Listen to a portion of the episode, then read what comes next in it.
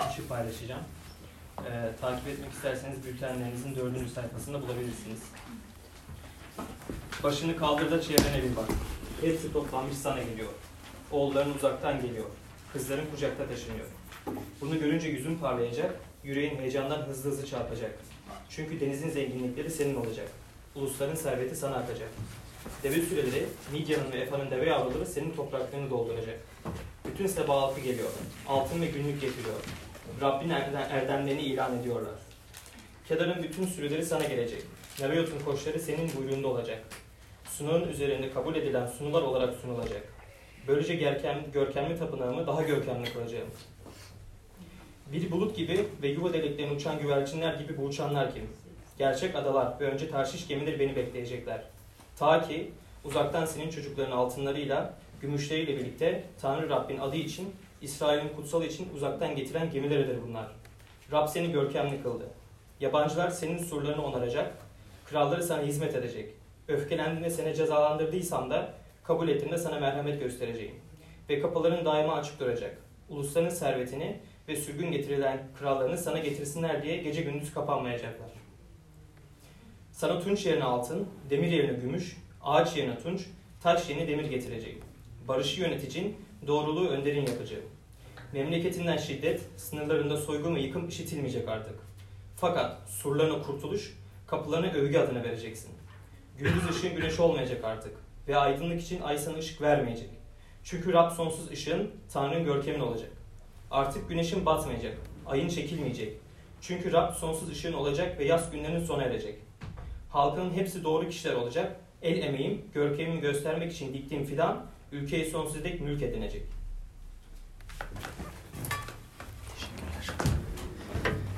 Teşekkürler Cihan'cığım. Um, Evet, e, birkaç haftadır İstanbul Projesi'nin e, vizyonuna veya ya biz neden buradayız e, ile ilgili e, Yeşaya'dayız hala. Yeşaya'nın son bölümlerine geldik e, ve e, bugünkü metin bayağı ilginç. E, Ruslar Arış'a hoş geldiniz bu arada. Biz için bizim için sizin buraya gelmeniz büyük bir mutluluk. Ayağınıza sağlık. Ve vizyonumuzda şöyle yazıyor, bültende de görebilirsiniz ilk sayfasında. Tüm insanlar için muhteşem bir şehrin oluşturulmasına destek olmak istiyoruz. Ve değişik değişik şekil, yani değişik değişik yöntemden bunu elde etmek istiyoruz. Ve birisi hizmet, şehrimize, kentimize hizmet ederek. Ve bunun için kültür konusu bayağı önemli. Em, Bu metne ilk baktığımda aklıma bir şey geldi. Em, Bu metin bayağı ilginç. Em, Hiçbir zaman e, bilmiyorum misafirliğe gittiğinizde veya size geldiğinde hediye yaptınız mı? Birine hediye götürdünüz mü? Götürmediniz. Hediye. Hediye vermek güzel mi yoksa hediye almak mı güzel? Vermek daha güzel. Ee, biz e, Ayvalık'a gidince annemlerin orada e, yeri var. Her gittiğimizde bizim bir komşumuz var evimizin e, sağ tarafında ve orada e, onlar e, e, şey kelimesini unuttum. Zeytin e, üretiyorlar. Yani tarlaları var, bilmem neleri var. Ondan sonra dükkanları var. Gidiyor dükkanlarda zeytin satıyorlar. Ve her geldiğimizde bizi görür görmez tepsiler doluyor, bilmem ne tepsiler geliyor bize. Hoş geldiniz. Ne güzel oldu sizi. Çünkü onlar bütün zaman oradalar zaten. Ee, ve em, bununla ilgili ve bu metninden ilgili bu metni okuduğumda bir hikaye aklıma geldi ve bir e, öykü. Ee, onu e, paylaşmak istiyorum. Bir zamanlar bir e, bir çiftçi varmış ve çiftçinin tarlaları varmış. Tarlada e, havuç üretiyormuş. E, tarlaları kendisinin değilmiş. O zamanlar herkesin e, herkes tarla sahibi değildi. E, ama yani işte kiralık alıyordu ve yani e, gelirini de yani e, aylığını nasıl ödüyordu? Tabii ki yani havucun bir parçasını yıl sonunda havucun şu kadarını miktarını işte krala veriyordu ve o ülkenin bir kralı vardı. Yani eski zamanlardaydı ve bu e, kral çok adil bir kraldı ve çok e, ve bu e, çiftçi bu kralı gerçekten bütün yüreğiyle seviyordu. Ve bir gün e, yeni mevsim başladığında ve yeni yani e, havuçları aldığında en büyük, en güzel havucu arayıp alıp poşetine soktu. Kralına gitti. Ve dedi ben kralımla görüşmek istiyorum. Ben kralımla konuşmak istiyorum. Bıraktılar adamı. Dedi kralım ben seni o kadar seviyorum. O kadar sen o kadar iyi, adil ve güzel bir kralsın ki ben e, fazla bir şeyim yok ama En güzel havucumu aradım. Bak en büyük havucumu aldım. Sana temizleyip getirdim. Sana ne kadar seni sevdiğimi göstermek istiyorum. Ve diye hediyeyi verdi. Ve bu kral da çok sevindi. Aldık havucu. Ondan sonra dedi ki tarlan hangisi dedi. Ha şurada şurada tamam dedi. Sen iyi bir çiftçisin dedi. Ee, iyi kalpli bir insansın dedi. O tarla senin olsun dedi. Ve yandaki tarlayı da sana veriyorum dedi. Bu adam coştu artık gitti çünkü hayatında büyük bir değişiklik oldu. Artık mal sahibi oldu. Bunu duyan bir at sahibi, at yetiştiren birisi vardı. Zaten zengin adam. Böyle duyuyor. Aa diyor ya. Buna havuç getirdi. Havucun hiç para ya hiç önemli bir şey değil. Ona bütün tarlaları hediye etti. Ah tamam şimdi ben acaba bir at getirirsem. Gitti hemen baktı atlarına. Gitti en güzel atını buldu. Siyah atını buldu. Ondan sonra hemen gitti. Ben kralla görüşmek istiyorum. Kralın önüne gitti. Kralla görüşmeye. Kral da tamam gel. Ondan sonra kralım dedi sen o kadar adil ve güzel bir kralsın ki ben sana sevgimi göstermek istiyorum. Sana at getirdim. En güzel atlarımdan birisini alıp sana seçtim getirdim dedi. Kral da bilge bir kraldı. Bunun yüreğini anladı. Baktı neden veriyor amacını. Aldı hediyeyi teşekkürler dedi. Hadi bay bay dedi. Bu adam da perişan oldu. Dedi ya aa, öyle yere dikilip durdu. Kral da dedi tamam dedi açıklayayım dedi. Sen herhalde gördün bu havucu getiren dedi. O havucu getiren o hediye gerçekten bana getirmişti o hediyeyi dedi. Ama sen bu atı bana verdin ama aslında kendine, kendine hediye yaptın dedi. Onun için ben sana başka bir ödül veremem dedi. Ve iş bitti. Yani bu öyküde aslında önemli olan şey yine motivasyonumuz. Ve buradaki metine baktığımızda da biraz zor metin. İlk önce yani bu öyküye geri gideceğim. Bakalım nereden başlayalım. Ee, Yaşaya'nın son bölümleri gerçekten yani Yaşaya bir peygamberdi biliyorsunuz ve yani bu şimdi e, gelecekteki bir şeyden bahsediyor. Bir kehanet yani. Ve bunu nereden anlıyoruz? Yani e, bu yani ya İsrail halkının çok zengin bir çağısından bahsediyor veyahut e, yani daha da ileri bir şey ve yani baktığımızda aslında hiçbir zaman o tarih insan, tarihinde hiçbir zaman olmamış olan bir şey olduğunu anlıyoruz. E, burada nereden neden bahsediyor? Bakın um, 11. E, ayette diyor ki yani e, e, 11. ayet nerede? Ben ben de bulmam lazım. E, kapılarının daima açık olacak, ulusların servetini sürgün getirecek, krallar sana getirsin diye gece gündüz kapanmayacaktı. Bu hiçbir zaman olmadı tarihte. İlk evde.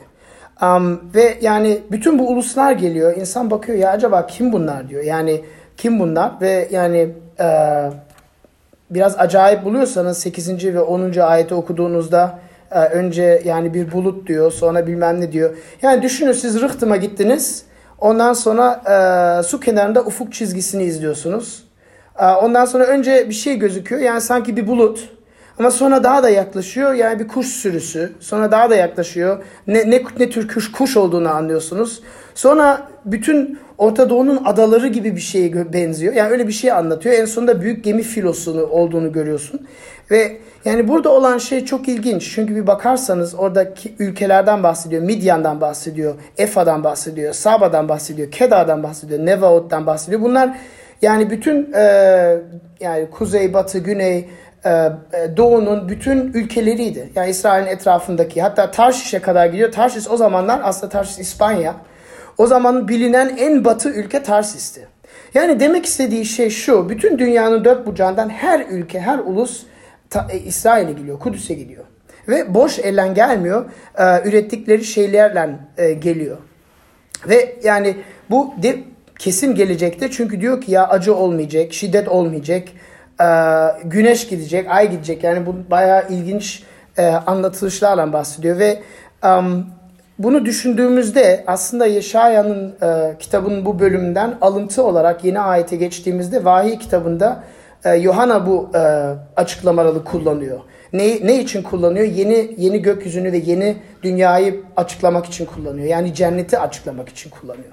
Diyor ki 21. bölümde yani kutsal kitabın en sonunda diyor ki yeni bir gökle yeni bir yer, yeryüzü gördüm. Kutsal kentin gökten Tanrı'nın yanından indiğini gördüm. İşte Tanrı'nın kendisi de onların arasında bulunacak. Onların gözlerinden bütün yaşlarını silecek. Artık ölüm olmayacak. Artık ne yaz, ne ağlayışı, ne de ızdırap olacak. Çünkü önceki düzen ortadan kalktı. E, yani bu biraz e, ilginç bir metin ama bizim için çok, son derece önemli bir metin. Ve sizinle e, kültüre bakmak istiyorum. Kültür biliyorsunuz işle ilgili. Yani aslında e, iş de diyebilirdik buna. İşimiz de diyebilirdik. Ve kültürün dört boyutuna bakmak istiyorum sizden. Birisi kültürün iyiliği, ikincisi kültürün eksikliği, üçüncüsü kültürün gerçek çeşitliliği ve dördüncüsü kültürün kurtuluşu. Bakın belki bu ilk ve son defa dört dört tane noktamın olması olabilir yani. Yoksa hep üç var. iyiliği, kültürün iyiliği, kültürün eksikliği, kültürün gerçek çeşitliliği ve kültürün kurtuluşu. Tamam, kültürün iyiliği. Bakın, um, dedik ge- geleceğe bakıyoruz dedik. Um, ve geleceğe baktığımız halde metne iyi bak okursanız birçok kültürel aktiviteler var. Ee, ne var mesela? Ee, diyor ki altın, gümüş, e, mal mülkünü getiriyorlar. Bu tica- ticaret kültürel aktivite, ticaret. Veya diyorlar ki surlarını tamir edeceğiz diyor. Surlarını onaracak diyor. Yani bu mimarlık yani o mükemmel şehirde mimarlık olacak. Yani ilginç bir şey kültürel aktivite. Veya diyor güneş güneş ve ışıktan bahsediyor. Um, şey bu bir bilim şey yani aslında benim fizik işine gider yani ne olmuş güneş nereye gitti falan ben, ben merak ediyorum biraz. Yani um, bunun vurgulamak istediği şey biz gelecekte böyle havalarda uçan ruh olmayacağız. Gerçekten bir bedenimiz olacak ve gelecek gelecek düzende de e, bir maddi ve fiziksel bir düzen olacak yani. E, ve bu düzenin kötü olmadığını bize vurguluyor. Çünkü düzen yani düzen kötü olsa gelecekte olmaz. Ama düzen iyiyse o zaman düzende aslında sorun yoksa o zaman e, kalmasından da sorun yok. Yani diyor ki tarih sonunda insanlar hala bir beden olacak. Yani bir beden içinde yaşayacak. Nasıl bir şey olacağını bilmiyoruz ama e, örnek isterseniz e, İsa'nın dirilişinden sonra onun da bir bedeni vardı. İlk önce tanımadılar. Herhalde biraz değişik görünüyordu adam. ama e, bir bedeni vardı ve ne yaptı? Yedi, içti, ona dokundular, sarıldılar, e, yemekler yedi herhalde, tadını aldı. Ee, yani her şey her türlü şey yapabilirsiniz yani. Yemek, içmek, dans etmek, tatmak, dokunmak, konuşmak her şey var. Yani ha çok fizik fiziksel bir dünya. Ve e, bu bizi düşündürmesi lazım. Çünkü daha da geriye gittiğimizde Tanrı kendini kim olarak tanıtıyor? Siz düşünseniz bütün aklınızdaki olan meslekler Tanrı hangi mesleği seçer? Bankacı veyahut Gayrimenkul. Ne, ne, ne seçer sizce? Tanrı bir meslek seçse. tamam. Sen şey yaptın. Marangozdan evvel başka bir şey yaptı ama Sanatçı sanatçı içine giriyor. İlk baştaki sayfalarda Rab ne yapıyor? Bir bahçenin içinde önce bir bahçe yapıyor. Çiçekler dikiyor. Sonra toprağı alıyor kendi ellerinden ne yapıyor? Bizi yapıyor. İçine ruhunu atıyor. Yani topraktan oluşmuşuz yani. Tanrı bir bahçıvan. Ve bahçıvanlığın temeline bakarsanız bahçıvanlık ne demek? Yani bir şeyi kültive etmek. Kültive etmek ne demek? Yani düzensiz şekilden düzene sokmak demek. Ve Tanrı'nın yaptığı şey bu. Çok ilginç. Ve kıyaslarsanız Doğu ve Batı dünya görüşlerinden kıyaslarsanız e, Doğu Batı görüşte mesela e, fiziksel dünya bir illüzyon bir illüzyon ve yani maksat, hayat maksatı bu illüzyondan kurtulmak. Yani nirvana'ya ulaşmak, meditasyonla. Batı görüşüne bakarsanız, Batı görüşte yani felsefe, Grek ve antik Grek felsefelerine bakarsanız e, maddi dünya pis. Yani pis ve aslında gerçek önemli olan şey yani zihin veya akıl. Ve yani bu bedenden kurtuluş en büyük şeydi yani. Yani hiç artık yemek içmekten hiç uğraşmayalım. Sadece düşünelim, hmm, düşünelim, düşünelim, düşünelim, felsefe yapalım filan. Yani o e, değişik şey. Yani o düşünseniz e, Batı dünyasında Tanrı bir e, felsefeci olurdu yani kesin. Çünkü düşünmek hiç yani pis topraktan uğraşmazdı.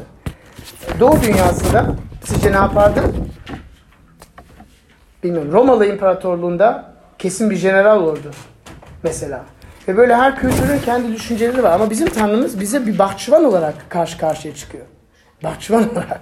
Ve sonra ikinci aşamada doğru söyledin. İsa geldiğinde İsa ne yapıyor? Marangoz. Ya bunlar bilmiyorum yani. ilginç şeyler. Yani bunları düşünmek e, bu, bunun bir sebebi var. Bakın kültive etmek, bugün konumuz kültür. Kültüre etmek, kültive etmek. Kültür ne demek? Yarat, yaratılışın ham maddesini alıp insanlığın ve topluluğun gelişmesi için, tüm insan ırkının gelişmesi için e, tüm muazzam potansiyelini ortaya çıkararak düzenlemek. Kültive etmek budur. Ve bunun değişik şekilleri vardır.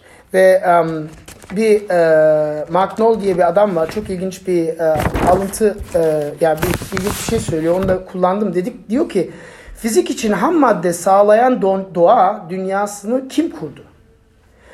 Siyaset, ekonomi, sosyoloji ve tarih için ham madde sağlayan insan etkileşimlerin evreni kim oluşturdu? Sanatın ham maddesi olan bütün armoni, biçim ve anlatı kalıplarının kaynağı kimdir? Felsefe ve psikolojinin ham maddesi olan insan zihninin kaynağı kimdir? Ve devamlı bir şekilde her an zihinlerimizin zihinlerimizle zihinlerimizin ötesindeki dünya arasında bağlantıyı kim sürdürmektedir? Tanrı yaptı ve Tanrı yapmaya devam ediyor. Bakın yani bizim hayatımız değerli kılan her şeyi bir düşünürseniz diyelim ki yemek yemekten hoşlanıyorsunuz. Yemek nedir? Vejetasyonun ham maddesini alıp düzenlemek. İşte pişirmek, kesmek, e, doğramak bilmem ne. Müzikten hoşlanıyorsanız müzik nedir? Ses ham maddelerini alıp düzenlemek, enstrüman yapmak. Yani bunun örnekleri çok fazla e, burada durmak istemiyorum. Yazı veya tiyatrodan hoşlanıyorsanız insan hayattaki yaşantıların ham maddesini alıp, insanın öykülerini alıp e, düzene sokmak. E, veya ressamsanız e, yani bu e, nasıl diyeyim renk ve şekil ham maddesini alıp bir tuvala koymak. Bir tuvala yerleştirmek, düzenlemek. Ve yani aslında bunun hepsi size gösteriyor ki bu yani dünyadaki gördüğümüz şey çok güzel, iyi. Yani kültür iyi. Kötü bir şey değil. Bunu neden vurguluyorum? Çünkü kiliseye gelip kültür üzerine konuşunca kilisedeki insanlar biraz titiz oluyor diyor. Ya bu maneviyle ne alakası var? Yani manevilikle ne alakası var? Bizim hayatımız e, dua etmekten geçmesi lazım filan. Ama Tanrı bunlara önem veriyor. Ve kültürle ilgilenmek, işe gitmek bunlar manevi şeyler. Bunlara önem veriyor Tanrı. Yani siz başka düşünüyorsanız o zaman batı felsefeciliğe döndünüz siz. Yani Grek mantığını felsefesine alıp Hristiyanlığın üzerine koydunuz. Çünkü Hristiyanlıkta öyle bir şey yok. Maddi dünya son derece önemli. Ne kadar önemli? Cennette de maddi dünya devam edecek. Yakılıp atılmayacak yani. Çok ilginç. Um, tamam buna baktık. Kültür iyi. İkinci şeye gelelim. Kültürün eksikliği. Şimdi metini ve gerçeği karşılaştırdığınız an aklınıza gelecek ki bu metinde her şey çok mükemmel. Hiçbir eksiği yok. Yani şiddet yok, acı yok, ağlamak yok, sömürmek yok. Ve bütün uluslar geliyor, bütün ırklar toplanıyor ve beraber çalışıyorlar. Armoni içinde. Ve çok ilginç bir şey ama yani çok ilginç bir şey çünkü ne sınıf mücadelesi var, ne ırkçılık var, ne ezilme var, ne üzüntü var, ne göçmen, ne, ne yani krizler yok. Ya evsizlik yok, savaş yok, umutsuzluk yok. Hepsi yok. Gitmiş, gitmiş yok. Ama bizim dünyaya baktığımızda bunlar dünyamız dolu bunlarla değil mi? Bunlar maalesef bizim gerçeğimizin bir parçası. Peki neden bunlar bizim gerçeğin bir parçası? Bakın ilk ilk boyutta dedik ki kültürün kendisi iyi dedik. Yani onunla ilgisi olamaz. Kültürün kültürel aktiveler iyi dedik. Yanlış değil dedik. Ama motivasyonu yanlış. Neden yapıldığı yanlış. Bakın metindeki e, kültürün mükemmel olmasının bir sebebi şu. Tüm kültürler servetlerini getiriyorlar. Nasıl o havuç havucu üreten adam gitti ya kralına götürdü. Çünkü kralını seviyordu. Dedi al kralım ben bu işi sabahtan akşama kadar yapıyorum ve seni o kadar çok seviyorum ki al sana vermek hediyem. Motivasyonu buydu. Ama e, bizim motivasyonumuz böyle değil. Maalesef değil. Bakın um, oradaki insanlar diyor ki bizim işimizi Tanrı'nın görkemi için yapıyoruz. Onun yüceliğini işimizle övüyoruz. Alternatifi ne peki bunun? Alternatifi basit. Kendi işimizi kendimiz için yapıyoruz. Kendimiz ve bunun birçok varyasyonu ya yani basit bir cümle ama bunun değişik değişik e, varyasyonları var. Yani em, en güzel örnek ve bunu devamlı bahsetmiştik. Buradan birkaç kere geldinizse belki duymuşsunuz. Yani e, kutsal kitaptaki ilk kent yaratılışın 11. bölümde. Ve kentin aslında hiçbir sorun yok. Yani kent kurmak ne demek? Orada Babil ülkesinde Babil kulesini kuruyorlar. Ne için? Ne lazım kule için? Bilim lazım, e, mimarlık lazım, e, işçi lazım. Yani bunların hepsi sorun değil yani kötü değil. Ama dördüncü ayette diyor ki gelin, bütün insanlar toplanıyor diyor. Gelin kendimize bir şehir ve e, başı göklere erişecek bir kule bina edelim. Ve kendimize bir nam yapalım diyor. Kendimize bir nam yapalım. Kendimize bir nam yapalım. yani bu sorun bu. Ve um, birkaç hafta evvel um, şehrin e, şehre baktığımızda çünkü biz şehri seviyoruz. Dedik ki ya şehirden yorulmamız kendimize bir nam yapmaktan kaynaklanıyor. Yani şehrin kendisi kötü değil. Cennette de şehir olacak. Ama şehrin olumsuz yönleri herkes birbirinden didişmesi, kavga içinde olması. Yok ben oturacağım, yok ben oraya gireceğim, otobüse ben geleceğim, sen defol, git şuradan bilmem ne. Yani ondan yoruluyoruz. Um, ve burada Tanrı'nın göstermek istediği şey yani e, kültürün kendisi güzel ve iş ve kültür çok önemli bir şey. Çok değer verilen bir şey. Ve biz Tanrı'nın suretinde yaratıldıysak iş insan insani tatmin için çok önemlidir. Yani işten bir sorun yok. Ama senin işin ve çalıştığın şey e, veya çalıştığın sebep e, hayatın anlamı ve değer kaynağı olduğunda iş bozuluyor. İş bozuluyor. Çünkü güzel bir şeyi alıp nihai bir şeye döndürüyoruz. Hayatımızın tek maksadı belki iş değil ama belki iş sayesinde sadece bizim ailemize iyilik yapmak veya iş sayemizde kendimi bir şey zannetme, zannetmem veya iş sayesinde başkalarından kendimi daha yüksek, daha iyi, daha bilge, daha kibir görmem. Ve burada iş bozuluyor. Yani um, hatta bu e, çok ilginç bir şey. Um, yani biz artık mesela Hasan değil, kuaför Hasan diyoruz bazen. Veyahut Ayşe değil, terzi Ayşe. Veyahut e, Elif değil, mühendis Elif. Yani işimiz şahsiyetimizin içine giriyor. Artık anlıyor musunuz? Bu bizim kültürümüzde belki o kadar e, görülmeyen bir şey ama bakın e, yani biraz var. Balıkçı var, e, yazıcı var. Ama Türk Ermeni kültürüne baktığımızda ve bu da çok ilginç bir şey. Zilcan var mesela. Çok meşhur bir zil. Zil, zilci, zilcan. veyahut e, nalbatyan. Veyahut bakırcıyan. Veya tunç boyayan. veya Kim Kardashian da varmış. Onu çalışıyor onu anlamadık ama o da Ermeniden geliyor. Bakın Batı, medeniyetinde meslek çok önemli. Peki bizim kültürümüzde meslek adları o kadar e, yoğun geçmiyor ama bakın bizde ne var? Atakan veyahut e, Cesur veyahut Demir. yani iş değil ama onur var.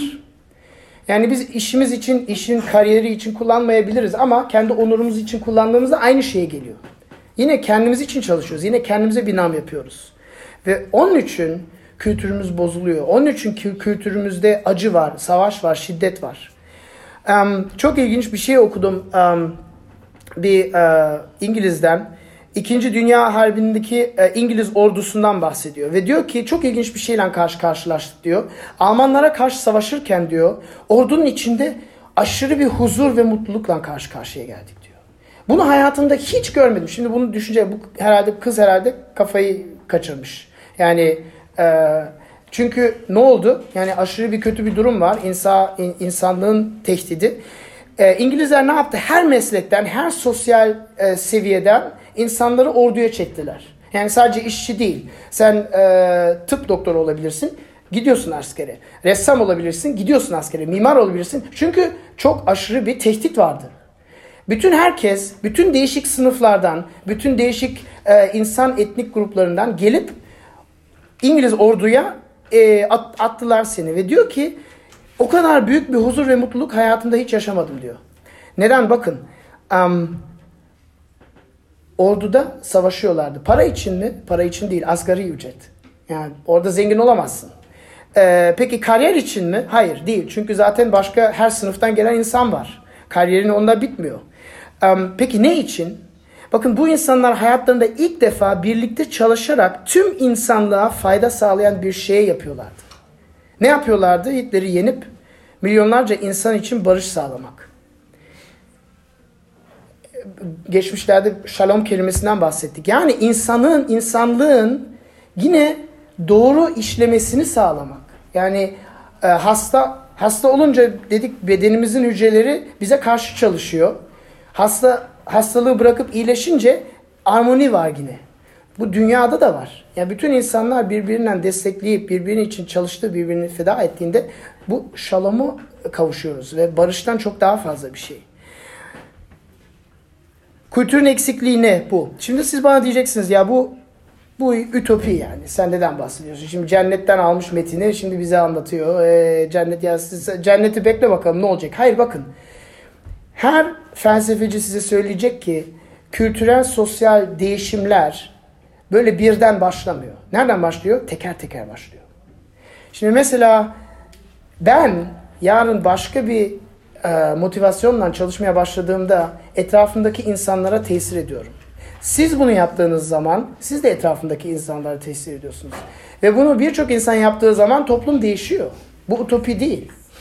Um, ve buradaki yazılan şeyler onun için yani bizim günlük hayatımızla e, aşırı alakası var. Tamam geldik. e, e, geçen hafta e, geçen hafta e, adalet üzerine konuşmuştuk. Özgür abi adalet üzerine konuşmuştu. Bakın e, metine baktığınızda çok ilginç bir şey. Sonuna doğru diyor ki um, 12, 17. ayet diyor ki barış yöneticin doğruluğa önderim yapacak diyor. Ve başka yerde diyor ki doğru kişiler olacağız. 21. ayette halkının hepsi doğru kişiler olacağız diyor. Şimdi biz hep diyoruz ya biz iyi insanız falan diye. Doğru kişi ne demek biliyor musunuz? Eski ayette bir adam çok güzel bunu e, no, e, no, açıkladı. Dedi ki doğru kişi kendi zararına topluma faydada bulunan bir kişidir dedi.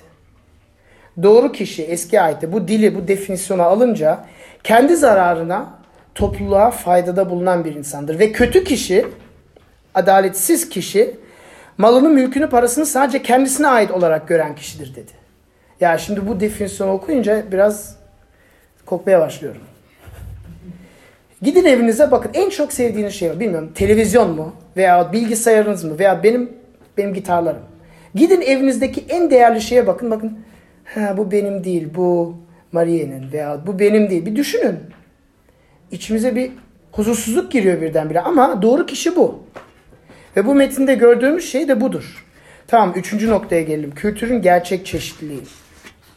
Bakın um, şaşırtıcı olan bu İşaya 60'a baktığımızda yeni göklerde ve yeni dünyada ulusal, ırksal ve kültürel ayrımlar devam ediyor. Hiç şaştınız mı? Yani ben zannederdim ki artık yani cennete gidince hepimiz aynı olacağız. Ayrımlar olmayacak artık.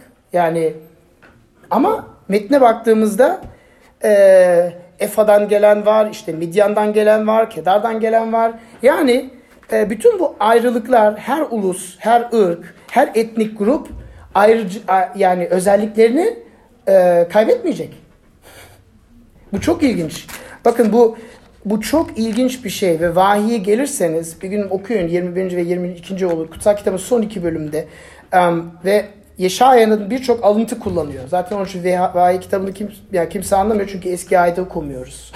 Ama yani aynı şeyi vurguluyor ve diyor ki her kültür başka bir şey katıyor diyor. Yani siz Tanrı'nın yaratış, Tanrı evrimi yarattı ya. Yani insan ırkını yarattı, bir ırk olarak yarattı ve bir buke, bir çiçek gibi. Herkesin güzelliği değişik. Herkesin güzelliği değişik ve yani bunu bizde de görüyoruz. Bakın metinde var mesela diyor ki birisi deve getiriyor, birisi koç getiriyor, birisi gümüş getiriyor, birisi altın getiriyor, birisi günlük getiriyor. Her ulus başka bir şey getiriyor. Yani bunu biraz daha değişik de yapabiliriz. Bir ulusta özellik aile vurgusu. Türk ulusu. Mesela biz, eşim Alman. Her zaman Türkiye'ye geldiğimizde kızcağız artık dedi ya bunlar çocukları gerçekten seviyor dedi. Yani böyle oynamıyorlar, tolere etmiyorlar. Gerçekten seviyorlar. Çünkü kontrole giriyorsun. Yani sınırda, uçak limanında kontrole giriyorsun. Memur çocukları görüyor, gülmeye başlıyor. Şimdi Türkiye'den Almanya'ya gittiğimizde pasaport. ha, sus lan. Konuşma. Hatta bunu yani Türkiye'den Bulgaristan'a gittiğimiz bile fark ettik. Yani Türkler gerçekten çocukları seviyor. Rahatsız olmuyor. Komşular bile rahatsız olmuyor. Benim oğlum odasında bateri çalıyor. Yani bu değil. Gerçek bateri. Komşulara gittik söyledik ya affedersiniz falan. Ya hiç olmaz sorun olmaz tabii öğrensin güzel çocuklar zaten gürültü yapması lazım. Hiç rahatsız olmayız. Yani bu Türklerin özelliği. Bilmiyorum hiç başka bir ulusta böyle şey görmedim. Yani her ulusun kendi özellikleri var. Ve bu özellikler yeni düzende de özellik kalacak.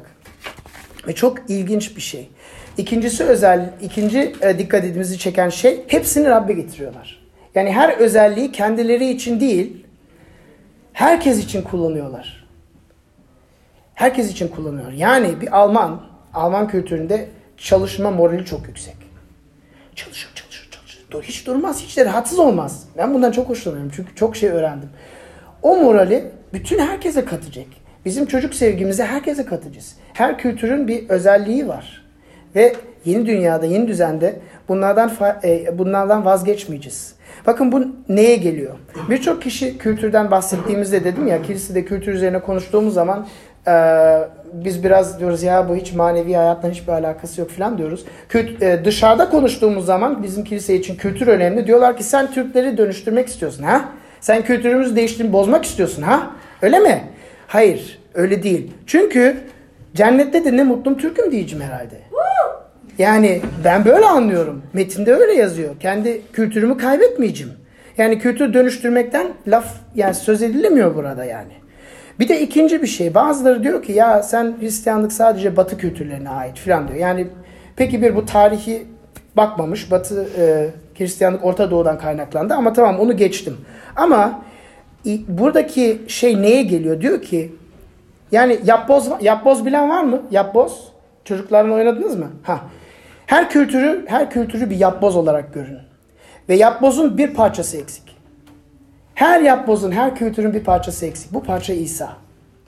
Diyor ki İsa hayatınıza geldiğinde veya Tanrı'nın Tanrı'yı gerçekten tanıdığınızda gerçekten mükemmel bir kültür olma elde elde oluyor. Yani yapabiliyorsunuz.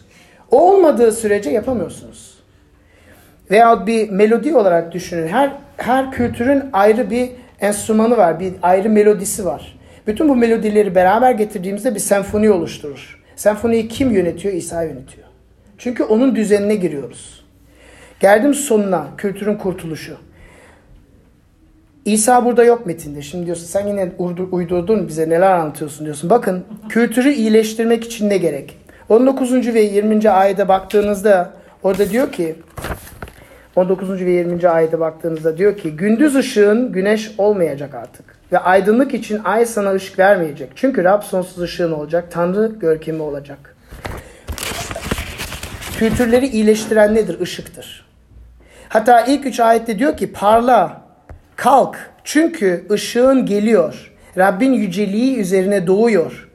Dünyayı karanlık, halkları koyu karanlık örtüyor. Oysa Rab senin üzerine doğacak. Yüceliği üzerine gör- görünecek. Uluslar senin ışığına, krallar üzerine doğan aydınlığına gelecek. Kültürleri iyileştiren ışık. Kültürleri kendine çeken, bütün bu uluslar geliyor ya bir yere. Kültürleri çeken ışık. E, Peki nedir? Bakın şöyle anlatayım. Aziz Augustinus şöyle dedi. Her insanın hayatında Tanrı şeklinde olan bir boşluk vardır dedi. Ve bu boşluğu biz bütün hayatımız boyunca doldurmaya çalışıyoruz. Mutluluk peşindeyiz. Ve bu, bu boşluğu hissediyoruz. Diyoruz ki ah bir güzel yemek yesem belki mutlu olurum. Yemeği yiyoruz hala mutsuzuz. Diyoruz ki ah şu kabiliyete, şu kabiliyete kavuşabilsem, şunu öğrenebilsem, meşhur olsam. Oluyoruz hala boşluk var. Hatta yani birçok insan meşhur olmuyor, ünlü olmuyor ama bir okudunuzsa biyografilerinin adamların, ünlü olan insanların şunu fark ediyorsunuz. Adam ünlü olmuş, bütün insanlar övüyor ve seviyor onu ama adamın kendisi intihar etmek istiyor. Neden? Her zaman demiş ki ya ben bunu elde edersem, ben bunu yaparsam, ben bunu elime geçirirsem o zaman mutlu olacağım. Yüreğimdeki boşluk gidecek ama gitmiyor. Ve çok büyük hayal kırıklığına uğraşıyoruz. Ve ne kadar yüksek tırmanırsan, ne kadar fazla ilerlediğimi sanarsan o hayal kırıklığı o kadar şiddetli oluyor. Siz biliyorsunuz ben fizikçiyim. Ben Aziz Augustin'i seviyorum ama ben bunu düşündüğümde çünkü karanlıktan bahsediyor. Ben daha ziyade kara delik düşündüm biliyor musunuz? Kara delik nedir biliyor musunuz? Fiziği seven var mı? Kara delik nedir? Fizik kurallarının ortadan kalktığı, hiçbir fizik mantığının işlemediği bir oluşum yani. Her şeyi yiyor. Gerçekten. Her şeyi yutuyor. Hiç hiç zaman doymuyor. Işığı bile yutuyor. Yani bunu kendi hayatımıza uygularsak yani iyi ve güzel şeyleri bile yutuyor ve bizi mutlu bırakmıyor. Kara delik. Yiyor yiyor yiyor ışığı bile yutuyor. Ya bunu bir düşünün. Yani em, aslında böyle bir şey yani. Hayatımızda ve bu hayatımızın içimizde bu kara delik gibi bir şey var. Bir mutsuzluk var. Ne elde etsek de mutlu kalmıyoruz. Neden? Bu ışık yok. Bu ışık yok hayatımızda. Bakın Tanrı her geldiği zaman herhangi bir şekilde ışık oldu. Musa Tanrı ile Rab karşı karşıya geldiğinde bir yanar bir çalı vardı. Ama o çalı yanıyordu. Ateş, ışık diyor. Ayaklarını çıkart burası kutsal bir yer diyor. Korkuyor adam. Sonra e, Sinay e, dağlarında karşı karşıya gelince diyor ki ya Musa diyor ki ya ben seni görmek istiyorum. Lütfen göster kendini. Tanrı da diyor ki sen beni görürsen ölürsün diyor. Neden ölürsün? Çünkü içimizde bir karanlık var ve Rab kutsal.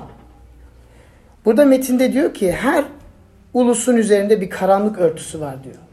Hepimizin yüreklerinde bir kara delik var. Ve bu kara delik olduğu sürece Rab'le karşı karşıya geldiğimizde gittik. Gittik. Çok ilginç olan şey ne biliyor musunuz? Kutsal kitabın birçok yerinden ışıktan bahsediyor ama Yeşaya 60'ta ve Vahiy kitabında insanlar ışığa geliyor. Işıktan korkmuyor artık. Eskiden ışıktan korkuyordular. Musa halkına e, Rab'la karşı karşıydı. Halk dedi sen git sen git. sen git biz sen konuş Rab'la. Biz burada kalalım. Çünkü biraz tehlikeli gibi oluyor. Yani biz öleceğiz hepimiz herhalde. Sen git. Sen öl. Biz burada kalalım. İnsan korkuyordu Rab'le karşı karşıya gelince. Çünkü Rab kutsal. Aklımız ermiyor bu ne demek ama kendi hayatımızdaki karanlığı anladığımız derecede Rabbin değişik olduğunu anlıyoruz. İlk defa insanlar ışığa geliyor. Peki nasıl oluyor bu ışık onları öldürmüyor? Bakın çok ilginç bir şey. İlk defa ölümcül değil. Vahiy 21'de okuyoruz. Diyor ki aydınlanmak için kentin güneş ve de aya e, gerekçesi yoktur. Çünkü Tanrı'nın görkemi onu aydınlatır. Kuzu da onun çırasıdır. Birdenbire kuzu ortaya çıkıyor. Allah kuzu. Kuzu nedir? Bakın kuzu nasıl eski ayette insanlar günahlarını affetmek için veya simgelemek için kuzu kestilerse yeni ayette de e, müjdelerde mesela Yohana peygamber diyor ki bak dünyanın kuzusu İsa'yı görüyor diyor ki bak dünyanın kuzusu günahları günahlarını üstlenecek kuzu. Peki bu kuzu kesiliyor mu? Kesiliyor elbette. Nasıl kesiliyor? Çarmıhta kesiliyor. Işık ne olduğu belli oluyor mu? Bakın İsa çarmıhta öldüğü zaman, deşildiği zaman, tek günah bile işlemediği halde ve sonsuz hayatı hak ettiği halde bizi o kadar sev, sevip e, kaybolmuş bulup kendini feda ettiğinde bizim bize kuzu gibi kurban olduğunda çarmıhta fidyemizi ödeyip Tanrı'nın gazabını üstlendiğinde ülkede ne oluyor biliyor musunuz? Bütün ülkeye büyük bir karanlık çöküyor. Mata 27'de okuyorsunuz. Öğleyin 12'den önce 12'den 3'e 12'den 3'e kadar bütün ülkenin üzerine karanlık çöktü. Saat 3'e doğru İsa yüksekle Eli Eli lema şabahtani yani Tanrım Tanrım beni neden terk ettin diye bağırdı. Bakın tüm ulusları Rabbe çağıran ve çeken bu ışık İsa. Tüm kültürleri iyileştirebilen İsa. Ama çarmıhın ışığı bize dokunmuyor. Neden? Çünkü İsa karanlığa atıldı. Kendini karanlığa attı ki biz ışığa gelebilelim diye. Öyle bir değişti kuş var burada. Peki şimdi dedik bu pratik bir konu dedik. Pratik nasıl bir pratik? Bakın. İsa prensibinden bahsediyorum. İsa prensibinden şöyle. Kültürümüzde yaşadığımız zaman, hayatımızda yaşadığımız zaman etrafındaki insanlara acı değil, acı vermen lazımsa kendine var. Yani etrafındaki insanları incitme prensibi. Bir örnek vereceğim size. Birkaç em, bizim kiliseye gelen, Hamburg'daki kiliseye gelen bir em, e, hanımefendi vardı. Em, şeyde çalışıyordu. Neydi? McKinsey. Çok yüksek bir şirket. E, ve e, o şirkette yeni başlamıştı birkaç ay ve patronun altındaydı. Fazla tanımıyordu. Bir iki ay, üç ay. Ondan sonra büyük bir hata yapmıştı. Büyük bir yani yanlışlık yapmıştı. Ve dedi ki ya ben bu şehirde birkaç biliyorum ben işimi kaybedeceğim artık. Yani çünkü yani bir hata yaptığınsa patronu seni işten atar. Böyle değil mi? Yani genel prensip dünyada sen orta seviyede bir elemansan, çalışıyorsan, kötü bir şey yaptınsa üstteki patron o yaptı der, sen işini kaybedersin. İyi bir şey yaparsan üstteki patron der ki ha bak ben ne güzel yaptım benim bölümüm bak. Benim bölümüm bak nasıl parlıyor hepsi çalışıyor falan. Ama o zaman onun yaptığını söylemez. Bu prensibi tanıyor musunuz kendi hayatınızdan? Tanıyor musunuz? Tamam. Bu kadın büyük bir hata yaptı. Bir de işini kaybedeceğini zannetti. Devam etti işe gitmeye. Dedi ki patronum gelecek beni işten atacak. Ama olmadı. Devam ediyor, devam ediyor, devam ediyor. Allah Allah diyor. Ne oluyor? Gidiyor patronla konuşuyor. O da diyor yok sorun değil falan diyor. Diyor ya nasıl sorun değil diyor. Yani herkes duydu. Ya kim sorumlu olduğunu bilmek isterler diyor. Yani ben işimi kaybettim zannettim. Ya sen başını yorma devam et falan. Ondan sonra kız bayağı şey şok oluyor. Çünkü diyor ki ya ben birçok meslekte çalıştım böyle bir şey hiç görmedim. Sen yani ne oldu ne bitti diyor. Ya ben üstüme aldım onu diyor. Sen merak etme diyor. Kız daha da fazla şok oluyor diyor. Sen beni tanımıyorsun bile diyor. Birkaç aydır burada çalışıyorum diyor. Bu şirketi de nasıl bir şirket olduğunu da biliyorum diyor. İnsanları çabuk çabuk işten atıyorlar diyor. Nasıl böyle bir şeyi üstüne aldın diyor. Anlamıyorum neden diyor. Sokuşturuyor işte sıkıştırıyor adamı diyor işte ya ben Hristiyanım diyor. Yani ben e, senin yaptığını söyleseydim seni işten atarlardı ama ben yani bana bir şey yapamazlar yani benim üst ben benim reputasyonum iyi diyor. Sen merak etme diyor. Hangi kiliseye gidiyorsun diyor. Ondan sonra ertesi, ertesi pazar kilisede. Adam ne yaptı? Kendi pozisyonunu bakın iyi bir insan, dürüst bir insan definisyonunu unutmayalım. Kendine yani kendi pahasına etrafına iyilik yaptı. Adam bunu yaptı. İsa'nın prensipini kendi hayatında kopyaladı. Siz de bunun bir parçası olmak istemez misiniz? Bugün pazar, istirahat günü, yarın işe gittiğinizde, gerçek hayat başladığında bunun bir parçası olmak istemez misin? Onun ışığına gelip kültürünün iyileştirmesi, iyileş, iyileşmesi için çalışmak istemez misin? Dua edelim. Ya Rab sana şükrediyoruz. Bu e, metin gerçekten e, beni çok heyecanlattı. e, çok zor bir metin ama çok güzel bir metin ve e, ilk okuduğumda dedim ya hiç pratik bir uygulaması yok ama gerçekten çok derin bir metin ve um, sana dua ediyoruz. Bizleri lütfen um, senin örneğinin peşinden koşan insanları yapalım. Kültürümüze bereket katalım. Kültürümüze iyilik dokunalım, dokunduralım ki um, senin bize yaptığın şeyi anlamış olalım. Amin.